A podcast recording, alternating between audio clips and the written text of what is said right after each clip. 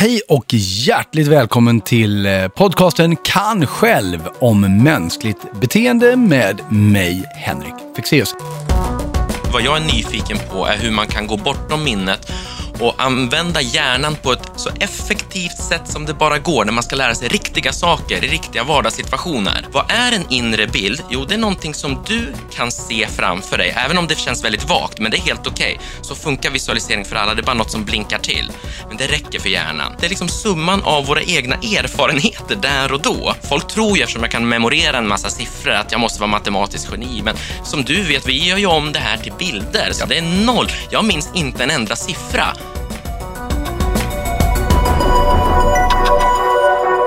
I den här podcasten så är min tanke att eh, prata lite om eh, områden i vårt beteende, i vår hjärna, i vår sociala interaktion som intresserar mig, som jag hoppas intresserar dig också och som kanske kan ge oss lite ledtrådar på vägen i vårt eh, sociala och personliga liv och eh, få mer av det som är härligt och mindre av det som inte kanske är så härligt. I dagens avsnitt ska jag tar en liten titt på det här med hur vi lär oss saker. Och det kan ju låta fruktansvärt tråkigt kanske, men det är väldigt spännande tycker jag. Därför att det händer någonting just nu. Vi håller på att förändra vår hjärna och därmed också vårt lärande. Och det här kan vara jättebra. Det kanske också är jättedåligt. Jag vet inte riktigt ännu, men jag tänkte djupdyka lite ner i det här och se vad det betyder för oss som människor. Så frågan är, hur gör vi idag när vi vill lära oss någonting. Jag sprang ut och frågade. Hur gör du när du behöver lära dig någonting? Jag eh, glider gärna in på nätet och eh, letar upp den informationen jag söker där egentligen. Fusklappar körde jag med väldigt mycket i plugget. På senare år så är det väl mycket nöta liksom inför, tätt inpå. Och så glöm, glöms det bort sen. Jag spelade faktiskt in mig själv i, i studiedagarna. Det gjorde jag så att jag läste upp det jag gjorde. För jag vet att ljud sätts ungefär 40-5% bättre än det skrivna ordet. Ja, vi har många strategier för att lära oss. Nätet har ju blivit vår främsta källa för inlärning just nu. Men vad händer med vår hjärna när vi faktiskt inte längre behöver komma ihåg någonting? Därför vi har ju världens största externa minne. Hela jordens vetande har vi ju i vår mobiltelefon i fickan. Behöver vi egentligen lära oss någonting nu för tiden? Eller, eller räcker det inte med att bara kontinuerligt kolla upp det? Jag tycker nog inte det, därför att att genuint kunna någonting, att ha kunskap, har ett värde i sig. För det gör att när vi går genom vår tillvaro så kan vi ösa ur den här banken av information. Och framförallt är det så att saker och ting vi har i vår hjärna korskopplas med andra saker vi har i vår hjärna. Om vi ska förlita oss helt och hållet på information som finns utanför oss så kommer vi inte få några spännande tankar, några kreativa tankar eller ens några egna idéer. Så det finns ju en idé med att ha det här i vårt eget huvud. Men grejen är att den media vi använder oss av idag är liksom inte bara informationskanaler. De, de ger oss saker att tänka på, absolut, sociala medier och internet och, och Google och Wikipedia. Men de formar faktiskt också våra egna tankeprocesser.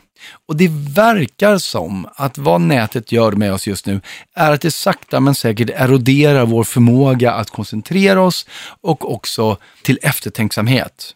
Därför att nätet distribuerar information som om det vore liksom en stridström av enskilda partiklar och det är också så vi börjar ta emot den eller filtrera den.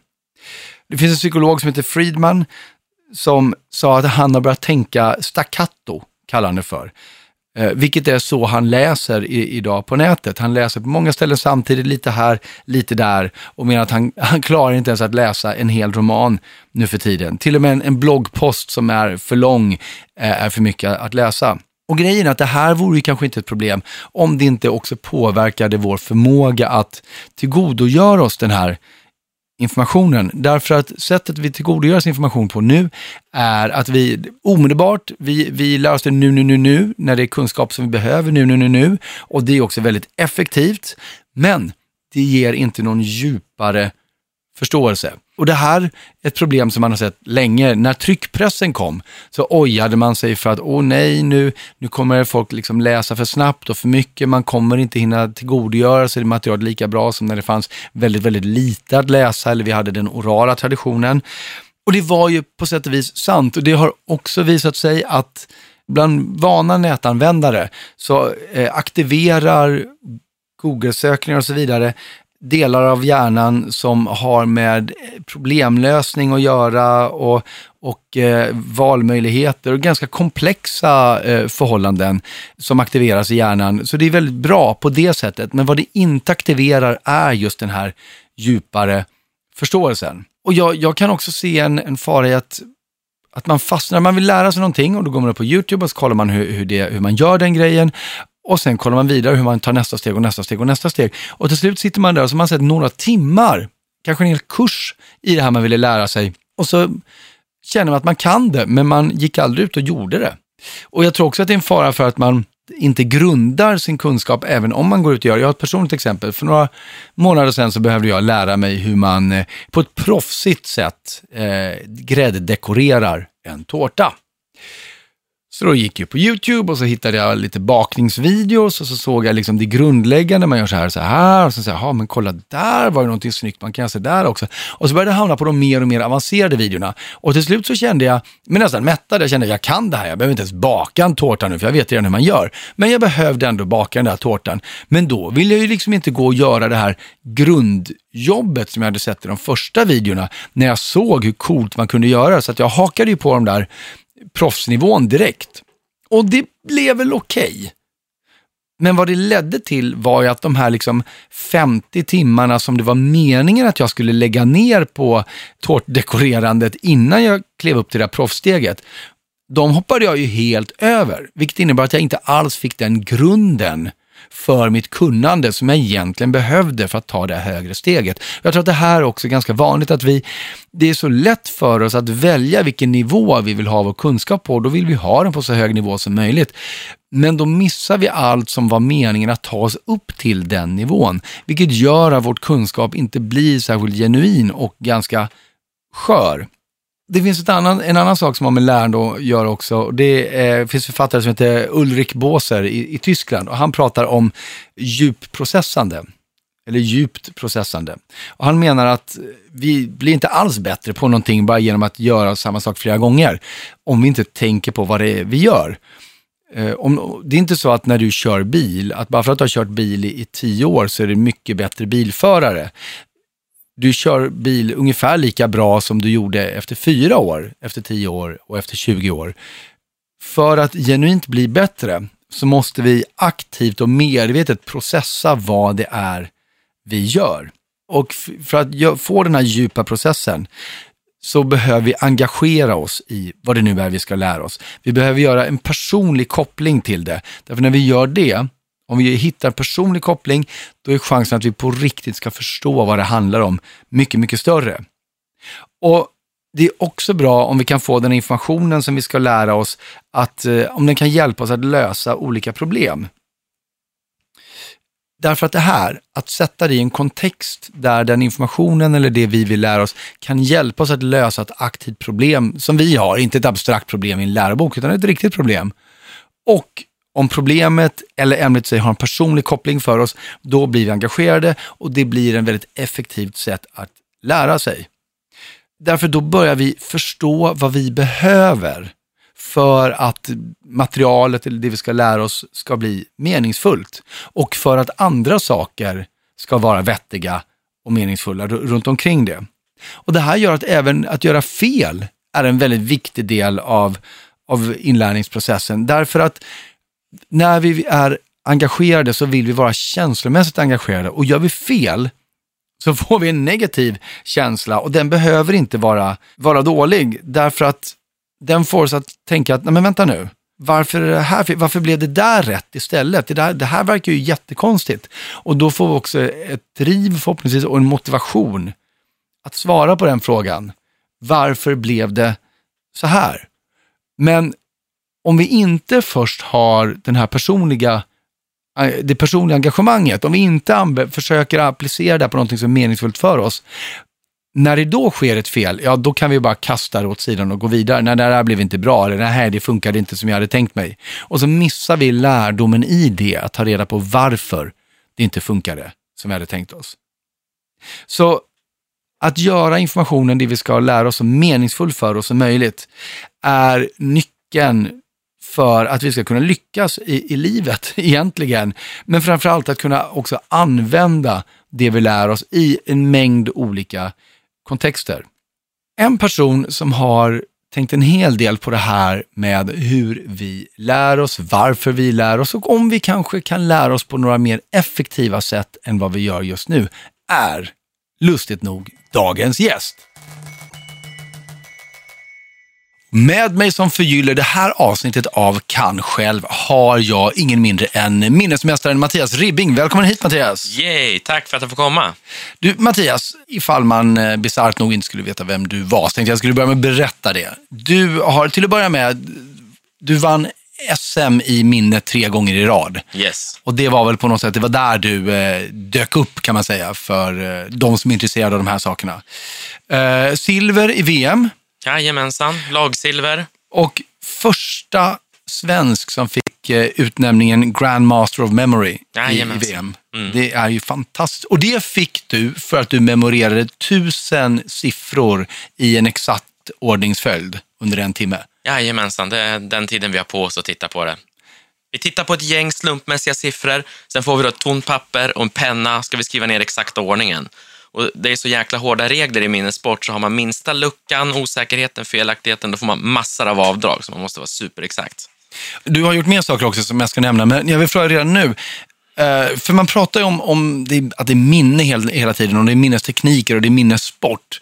Men på något sätt så måste det ju också vara att, att alltså det är ju också strategier för att lära sig, eller hur? Det är ju det du gör. Du lär dig de här tusen siffrorna, även om det är för en specifikt syfte och, och de kanske är borta dagen efter. Precis, egentligen, minne är inte ens särskilt viktigt. Vad jag har gjort i hela mitt värv, förutom att vinna SM i minnessport, så har jag, jag har skrivit tre böcker hittills och vad jag är nyfiken på är hur man kan gå bortom minnet och använda hjärnan på ett så effektivt sätt som det bara går när man ska lära sig riktiga saker i riktiga vardagssituationer. Slumpmässiga siffror är kul för att kunna bevisa att det ens går att göra så här. Det är helt och hållet upptränat. Jag började träna när jag var 29, så alla som känner mig sedan innan dess vet jag är precis som vem som helst. Så det är ett bra sätt att visa vad man kan göra. Men det intressanta är, vilket är helt outforskat skulle jag säga, innan jag har börjat nysta på de här sakerna, många som håller på med de här grejerna vet inte vilka kraftfulla saker de använder sig av, men de kan bara använda det till spelkort och siffror. Så vad jag tittar på det är hur man så effektivt som möjligt kan lära sig nya saker som du behöver i jobbet, sätta sig in i nya affärsområdet eller om du pluggar, hur du kan använda din hjärna på ett helt nytt sätt. Och då inser man att minnet inte är så viktigt. För att minnet är bara en- en konsekvens av någonting som har hänt innan. Vi har tänkt på något sätt som har gjort att vi senare kan hitta tillbaka i hjärnan och liksom få en viss kontroll över det. Men det är det här som händer innan som är det viktiga och det är det jag tittar på, att få kontroll över lärandet. Det är det hela grejen som handlar om att skapa, nästan som en liten ingenjör går man in i hjärnan och skapar förståelse. Man lurar hjärnan att den förstår och när man har förstått någonting då kan man också senare minnas det. Men det är det här som händer först som är så spännande. Just det. Och vi ska vara, jag vill nämna det igen, att du har skrivit tre böcker. Jag tror att de som lyssnar på det här kan vara väldigt intresserade av det. Eh, Och den första boken hade ju väldigt mycket minnesfokus, men sen Ja. var det också en bok om hur man använder tekniker för eh, att maxa dina betyg, hette den. Ja, och sen fatta matte. Ja, Eh, Och där tror jag att det är ju en kod, en, en obegriplig kod kanske för många att, att knäcka. Så det, det är ju jätteintressant tycker jag att, att du är inne på det här området, eh, om, om lärande i stort och utnyttja hjärnan. Och vi måste också säga att eh, du har ju Mattias Ribbing podcast som finns både på YouTube och som eh, ljudpodcast där du med gäster och även själv verkligen eh, utforskar hjärnans potential och hur vi kan eh, maximera egentligen vår, vår output, eller hur? precis. Och där du har varit en mycket populär gäst också, så det tackar mycket, jag för. Tack så mycket. Men, men du, då måste jag fråga dig nu. Vad har du för åsikt om hur vi går tillväga att lära oss saker i, idag? Därför att det vanliga sättet att lära sig det är jag sätter mig med boken och nu ska jag lära mig den här boken och så jag upp sida ett. Alltså Mm. den här liksom, korvstoppningsinlärningen. Vad, hur ser du på det här? Det är total waste of time. Här måste vi tänka om helt. Det var liksom, den enda tekniken jag fick med mig från skolan, det var liksom att läsa samma sak om och om igen och bara hoppas att någonting ska hända. Hoppas att jag ska förstå, hoppas att jag ska minnas. På något magiskt sätt då? Exakt, men nu vet vi hur vi ska använda hjärnan för att göra det här. För vissa har säkert känt på den här glimten att om man har studerat eller så, att någon gång ibland så kommer man ihåg lite grann hur en sida såg ut. Kan det vara, var det någon viss bild eller såg kolumnerna ut på ett visst sätt? Och när man minns det så kan man liksom i huvudet hitta tillbaka dit och återberätta vad som fanns på den där sidan. Och det här uppstår av en slump ibland, men nu kan vi ta kontroll över det här och lära oss att göra så så att vi får den kontrollen på alla sidor. Hur, och hur gör vi det då? Jo, nyckeln är att det är en teknik som jag kallar för en bild per sida. Där vi lär oss att föreställa oss en bild framför oss i rummet. Det finns ju vissa, många har hört det här att det handlar om att tänka i bilder. Men det här är superkonkret. För vad det handlar om är att föreställa sig en tredimensionell bild under tiden man läser någonting. Så låt oss säga att om man pluggar historia och sen sitter man där och bara ska börja läsa en sida. Istället om man vill aktivera de här liksom hjärnans dolda funktioner att dra till sig informationen, så ska du samtidigt som du börjar läsa på första sidan, så väljer du en bild för den här sidan. Och du har inte läst det där, men eftersom det är historia, vi kan ju ta en, en sån här gammal kanon, eh, gammal kanon liksom, som de kanske hade för väldigt länge sedan. Så samtidigt då som du läser den här sidan, så då och då kommer du tillbaka till den här inre bilden som du gör supertydlig för dig själv, som om den fanns framför dig i rummet. Och du, ser, jag håller på att vifta med mina händer här när vi pratar i radio. Ja, jag ser kanonen redan här nu i luften Ja. mellan oss. Så att försöka se det. Tänk dig att du håller ut händerna och håller i en stor badboll. Det är en standardstorlek som man alltid ska visualisera i. Så att se ett tredimensionellt objekt som du håller nästan kanonen framför dig, att den var gjord Mm. av järn, väldigt tung, den finns där. Sen kan du ta bort händerna och bara låtsas som den finns. Och sen, det kan du göra med ögonen öppna, den, liksom, den dyker upp under tiden du läser. Så att samtidigt du läser, komma tillbaka till den här inre bilden gång på gång under tiden du läser den sidan. Sen kommer du till nästa sida och det bara fortsätter de historia. Det kanske inte ens har med någon kanon att göra. Det Men, spelar och, ingen och det är roll. inte så att jag då, det jag läser, att jag på något sätt lägger det på den här kanonen, Nej. utan det är bara den här bilden på kanonen. Ja, glöm allt vi har lärt oss om minnestekniker. Nu tar vi det absolut viktigaste för att lura din hjärna och förstå vad som står där. Så det här är superenkelt. Och sen går du vidare till nästa sida. Det bara fortsätter de. Vi tar något helt annat. Vi kan ta en kungakrona. Kan vi ta där, även om det inte ens handlar om någon kung, spelar ingen roll. Men grejen är att under tiden du läser kommer du tillbaka till den här tredimensionella bilden som om den var framför dig i rummet. Ja. Och det är, handlar om att när du ser den här bilden, de här inre bilderna funkar nämligen som magneter. De drar till sig där du, där du läser under tiden. Och det viktiga är inte vilken bild du väljer, utan att du visualiserar samtidigt. Det är det här som är hela grejen. Och sen vidare till nästa sida så väljer du någon ny bild och det kanske känns svårt efter ett tag att hitta på nya bilder hela tiden. Man ska läsa tusen sidor. Men det är inga problem, för man kan alltid visualisera en variation. Så låt oss ta för nästa sida, då kan vi ta en kungakrona delad på mitten, gjord av kex. Alltså du bara tar någonting Mm, ja, ja, helt, ja. men låtsas som du hade en jäkla kexkrona, en halv kexkrona framför dig. Ingen har någonsin sett ett sånt här objekt, men du kan se det som om du höll det, lika stort som en badboll. Just det här, bilderna ska vara tredimensionella, de ska vara stora, som om det var riktiga saker där. Så går du vidare, läser du den under nästa sida, sen tar du där, sidan därpå, ja, då kan du ta en, en stor tjock krona, en riktigt stor tjock krona gjord i ost. Bara för att ta någonting. Men är tanken då, att i, i ett av avsnitten i den här podcasten så pratar jag om hur eh, en specifik tanke alltid kommer väcka associationer till närliggande tankar. Är det det vi gör här? Vi väljer med flit en tanke, till exempel kungakronan, eh, och väcker därmed associationer till det vi läste medan Ja. vi tänkte på den. För att de här kommer funka som magneter och grejen är att det här är som att du ger din hjärna mappar som en dator som den alltid kan hitta tillbaka till. För när du har läst 50 sidor så här och bara valt i princip 50 slumpmässiga bilder så hittar alltid din hjärna, om någon nämner någonting som har med något som står på en viss sida att göra så kommer du automatiskt att tänka på den bilden och den bilden får du att hitta alla andra grejer på sidan. Så du kan återberätta det, men med dina egna ord. Det är riktig förståelse vi jobbar med här. Och det här då, att det gamla sättet att lära när vi bara läser samma sak om och om igen, det vore liksom som att vi i vår dator bara kastar in dokument helt utan namn och utan, utan några mappar överhuvudtaget. Så Mm. de finns i datorn, du kommer aldrig hitta dem när du behöver dem. Så att egentligen, det här är bara att hitta ett ultimata sättet att alltid kunna hitta det du behöver i hjärnan. Men då har jag en fråga. Därför att jag, jag är med på det. Alltså att det här är ett väldigt bra sätt att sortera och hitta. Men du sa också någonting jag tycker var väldigt intressant. Du sa att nu jobbar vi med riktig förståelse. Ja. Eh, Och det finns ju många författare, bland annat en som heter Ulrik Båser, som menar att eh, förståelse kommer av att man gör informationen, eller det man ska lära sig, meningsfull för sig själv. Det här låter inte nödvändigtvis som att det, att det skapar mening för mig, men det kanske det gör på något sätt. Ja, förståelse och att lärande överhuvudtaget handlar om att du lyckas koppla någon ny information till någonting du redan kan. Det där, i den där kopplingen mellan det nya och något du redan kan, där börjar du förstå, du kan se saker på ditt sätt och så vidare.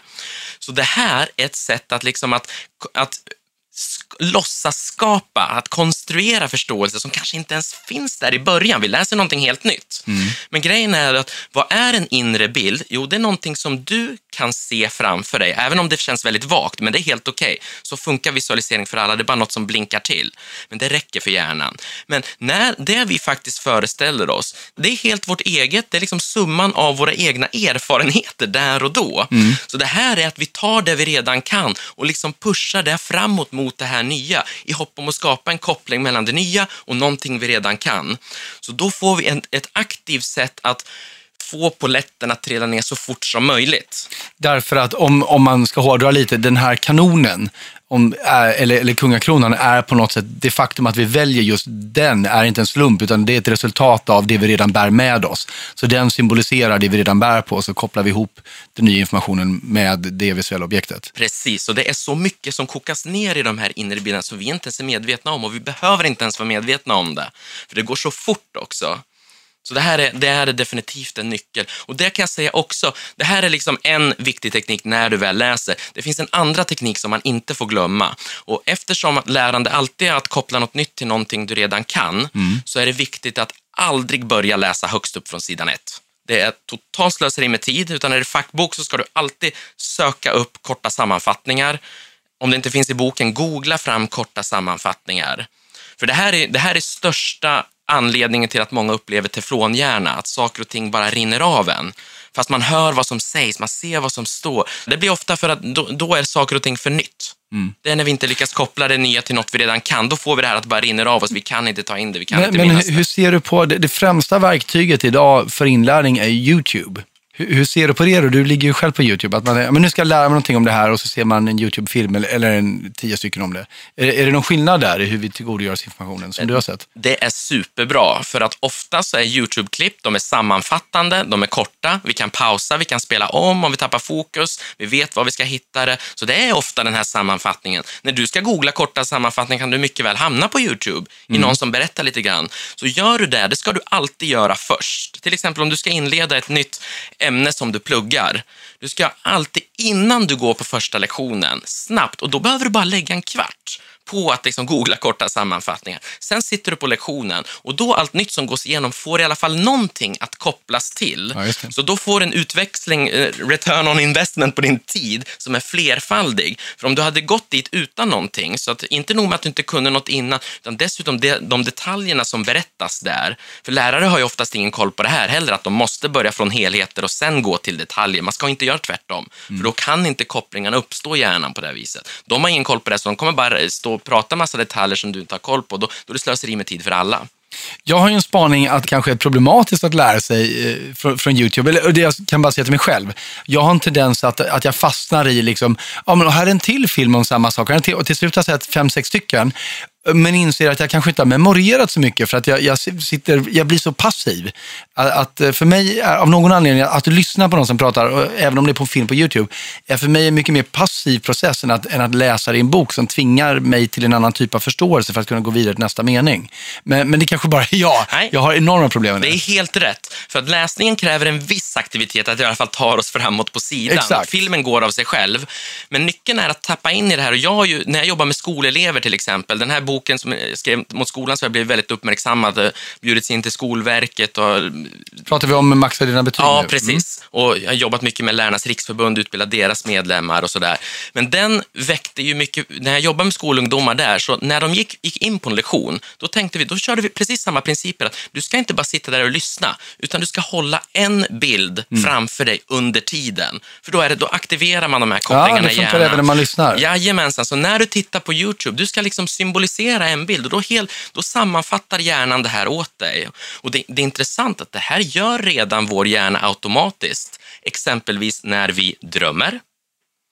För vad är en dröm egentligen? Jo, att den sammanfattar komplexa skeenden, allt möjligt som vi har varit med om, som vi är medvetna om, som vi inte är med om, i enkla bilder och sålla bort en väldig massa andra grejer. Så det här sättet att börja tänka i bilder, i enstaka symboler, och där kan vi glömma allt med minnestekniker, att du måste översätta allt i bilder. Nej, nej, nej. Bilderna är bara ledtrådar som leder dig in och hittar det som verkligen står på sidorna så du själv kan berätta om det. Jag har ju, som ett exempel, jag brukar göra det här superpraktiskt när jag är ute och under undervisar. Brukar jag, alltid, jag brukar läsa in dagens tidning och lära mig den. Just det. Svenskan eller Dagens Nyheter, läser den i en halvtimme, 40 minuter och så låter jag publiken testa mig och se att liksom, det här går att göra redan samma dag, direkt. Det går superfort. Och jag kan inte återberätta saker ord för ord, men jag kan gå in och berätta alla grejer som står med mina egna ord utan att missa någonting och dessutom lägga in exakt fakta också. Och jag kan säga bara en grej, för liksom när jag verkligen ville pusha gränserna. Mm. Jag gjorde en gång i Los Angeles på en stor konferens, jag kör en del på engelska, men då tänkte jag att nu, nu ska jag offra allt. Det var tusen pers i publiken, men då nöjde jag mig inte med en amerikansk tidning, utan då läste jag in både Los Angeles Times och Wall Street Journal. Tog med mig båda tidningarna upp på scen, gick ut till två olika personer och lät dem testa mig på olika platser i tidningen fram och tillbaka. Och det går utmärkt för hjärnan att hålla isär massa sådana här saker. När man får de här enkla mapparna, då går det nästan av sig själv. Men, men då kan jag tänka mig att då, och då man, om man hör det här till exempel så tänker man, ja ja, men det är ju, det är ju kul för honom, han som tränar på det här gjort det till sitt jobb. Det jag är nyfiken på är det här, när du kommer ut i skolan så möter du elever är en sak, men så möter du lärarna.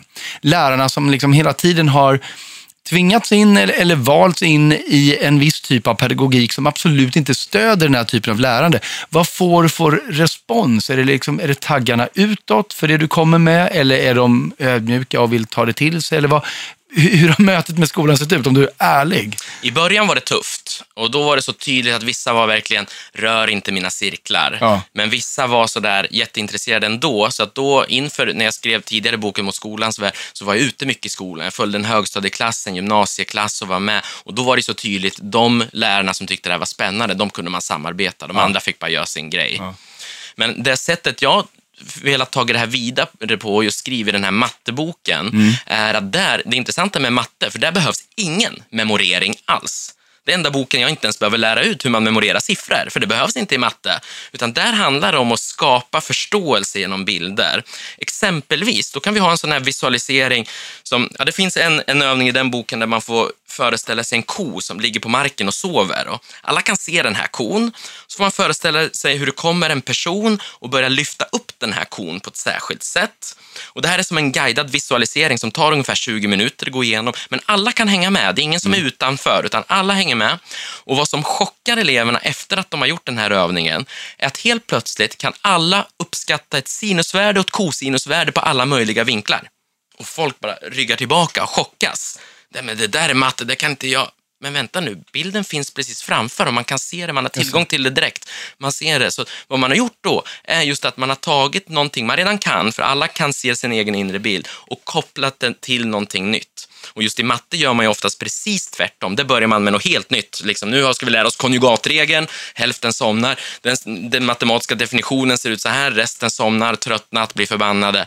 Då har man ingen chans. Eh, Så att här, vi har tillåtit oss gått åt helt andra hållet och liksom steg för steg visat hur konkret det här är och hur man kan använda det i alla möjliga sammanhang. Det är ju också, matte är också någonting som är väldigt stigmatiserat. Jag hade själv två i matte när jag gick ut gymnasiet och, och kände väl aldrig liksom att jag knäckte jag, jag ser matematik som ett språk och jag, eh, jag, jag läste en hel del både teoretisk fysik och teoretisk matematik för jag tycker det är roligt och det fattar jag, där är jag med. Men, men när det kom till att göra uträkningar, liksom, så ibland gjorde jag fel, ibland gjorde jag rätt och jag hade inget, såg ingen skillnad på det. Men när jag står på scen som mentalist, så i många av de nummer som jag gör så krävs en hel del mental gymnastik för att ta mig igenom de här numren. Och en del nummer har krävt liksom tydlig matematik. Jag måste liksom addera det här och dra ett minus och så vidare. Och då, de har jag hållit mig ifrån. Men jag gör ju ändå rätt mycket nummer med siffror. I min senaste föreställning Box, hela slutnumret var liksom en enorm sifferjonglering. Och jag tror att enda orsaken till att jag gjorde det var för att jag såg aldrig någonsin det som matte. Därför att de processer jag behövde göra för att ta mig igenom det numret eh, såg inte jag som matematiska ekvationer, utan det var liksom en meningsfull process som behövde ta mig från ett läge till ett annat. Och då var det plötsligt inga problem. Men hade jag gjort en uppställning på det, liksom en matematisk uppställning, så hade jag säkert fått grå hår eller ännu mer än vad jag har. Så det är väl kanske det också, att förvandla det till det meningsfulla. Den där kod är meningsfull. Ja. De där tecknen på en whiteboard är liksom ganska irrelevanta egentligen för livet i det stora hela. De betyder ingenting. Det skulle kunna vara ryska, även om man, om man inte kände till det. Så att det är exakt det det handlar om. Få det till något meningsfullt. Och jag är inte heller matematiker. Jag var tvungen att skriva den tillsammans med en matematiker. Men jag är humanist. Jag kan ingenting om matte egentligen. Jag är jättedålig på det. Och folk tror ju, eftersom jag kan memorera en massa siffror, att jag måste vara matematisk geni. Men som du vet, vi gör ju om det här till bilder. Så ja. det är noll. Jag minns inte en enda siffra. Utan jag gör om det till bilder och sen kan jag återskapa siffrorna på nytt. Men det är inget minne i några siffror på något vis. Nej, De är för svåra för vår hjärna att ta in i väldigt stora mängder. Så med andra ord, ignorera allt som eh, du har hört, eller kanske läst i mina böcker om minnestekniker, utan hitta en bild, var trygg på att den kommer utifrån vem du är och applicera den på det du tänker lära dig, åtminstone tills det är dags att vända blad i boken och då hitta en ny bild.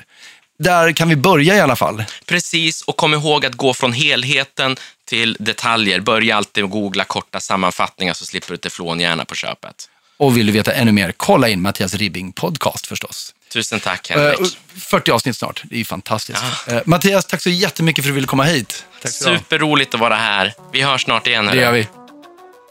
Fungerar det bra? Tycker du att det är en bra metod? För mig, absolut. Uh, nej, det, det, gör det ju inte. Men ja, det är svårt att sudda bort det där gamla beteendet. Liksom. Och det funkade bra för dig? Ja, det funkade jättebra.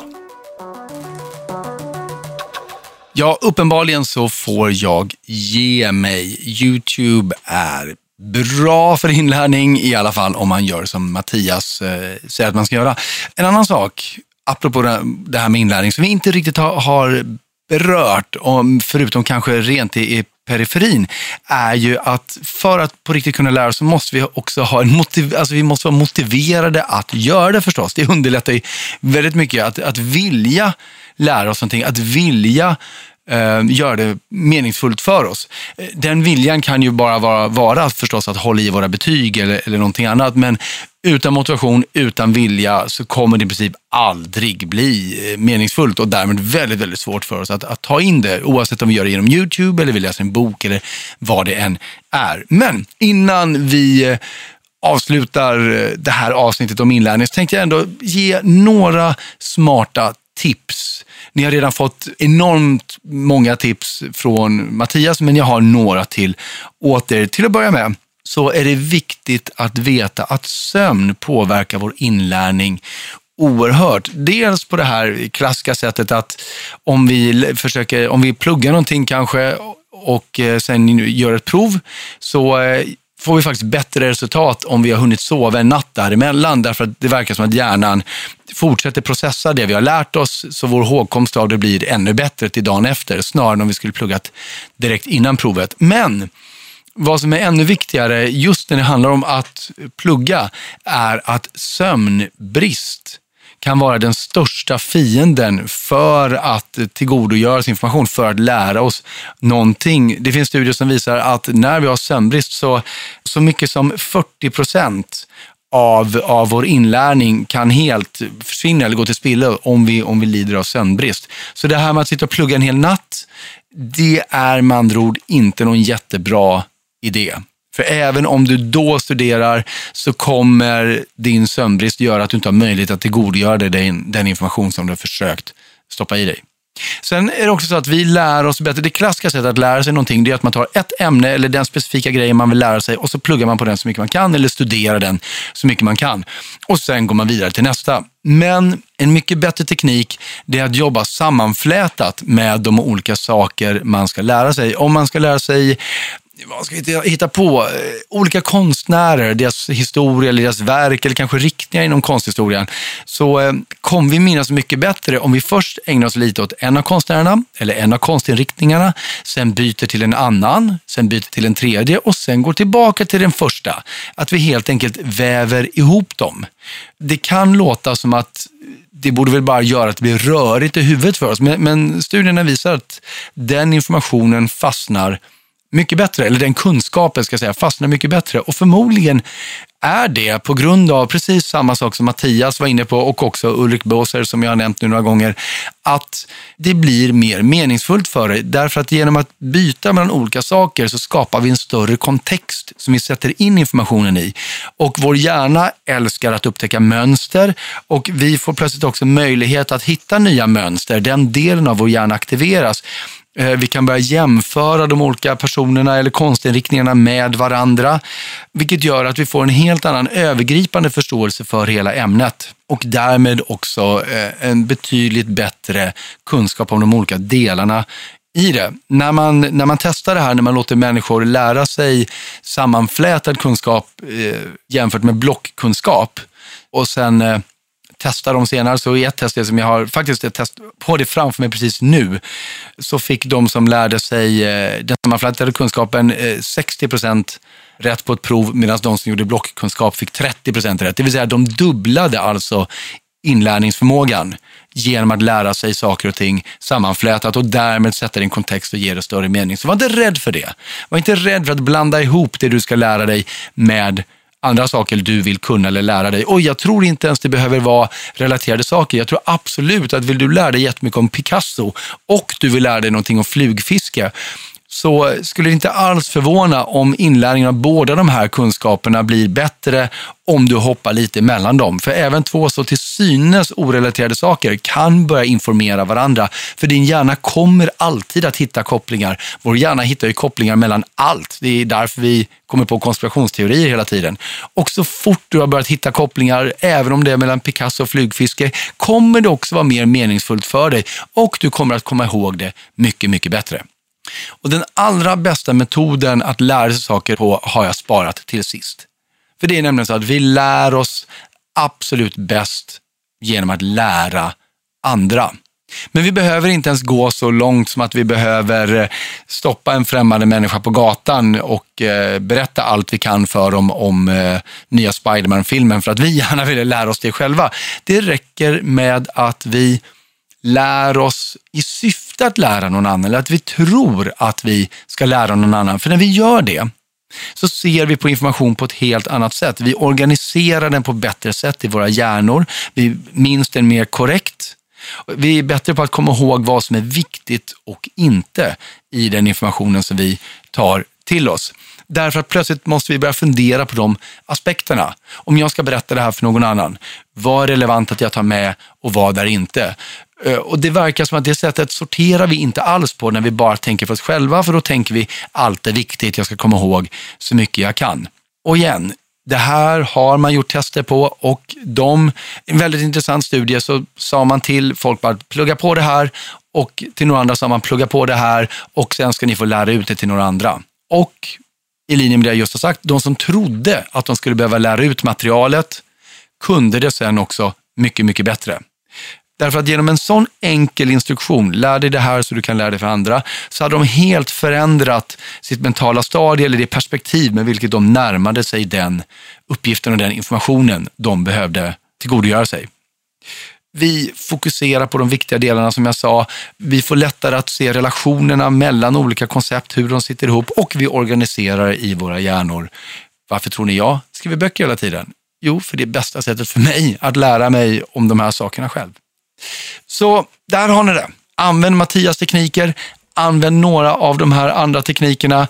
Fastna inte i YouTube-träsket som jag gör, men använd gärna YouTube på ett bra sätt. Det är roligt, det är lustfyllt att använda sin hjärna och vad bättre sätt att ha roligt på än att tillgodogöra sig ännu mer kunskap, för det ger oss ännu mer referensramar och perspektiv på världen och på våra upplevelser. Ja, mönster till och med som vi kan placera våra upplevelser i och ge dem en större mening än de kanske hade haft annars.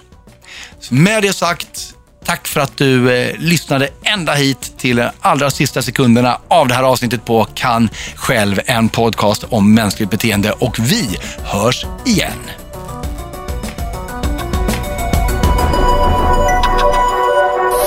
produceras av I Like Radio. I like radio.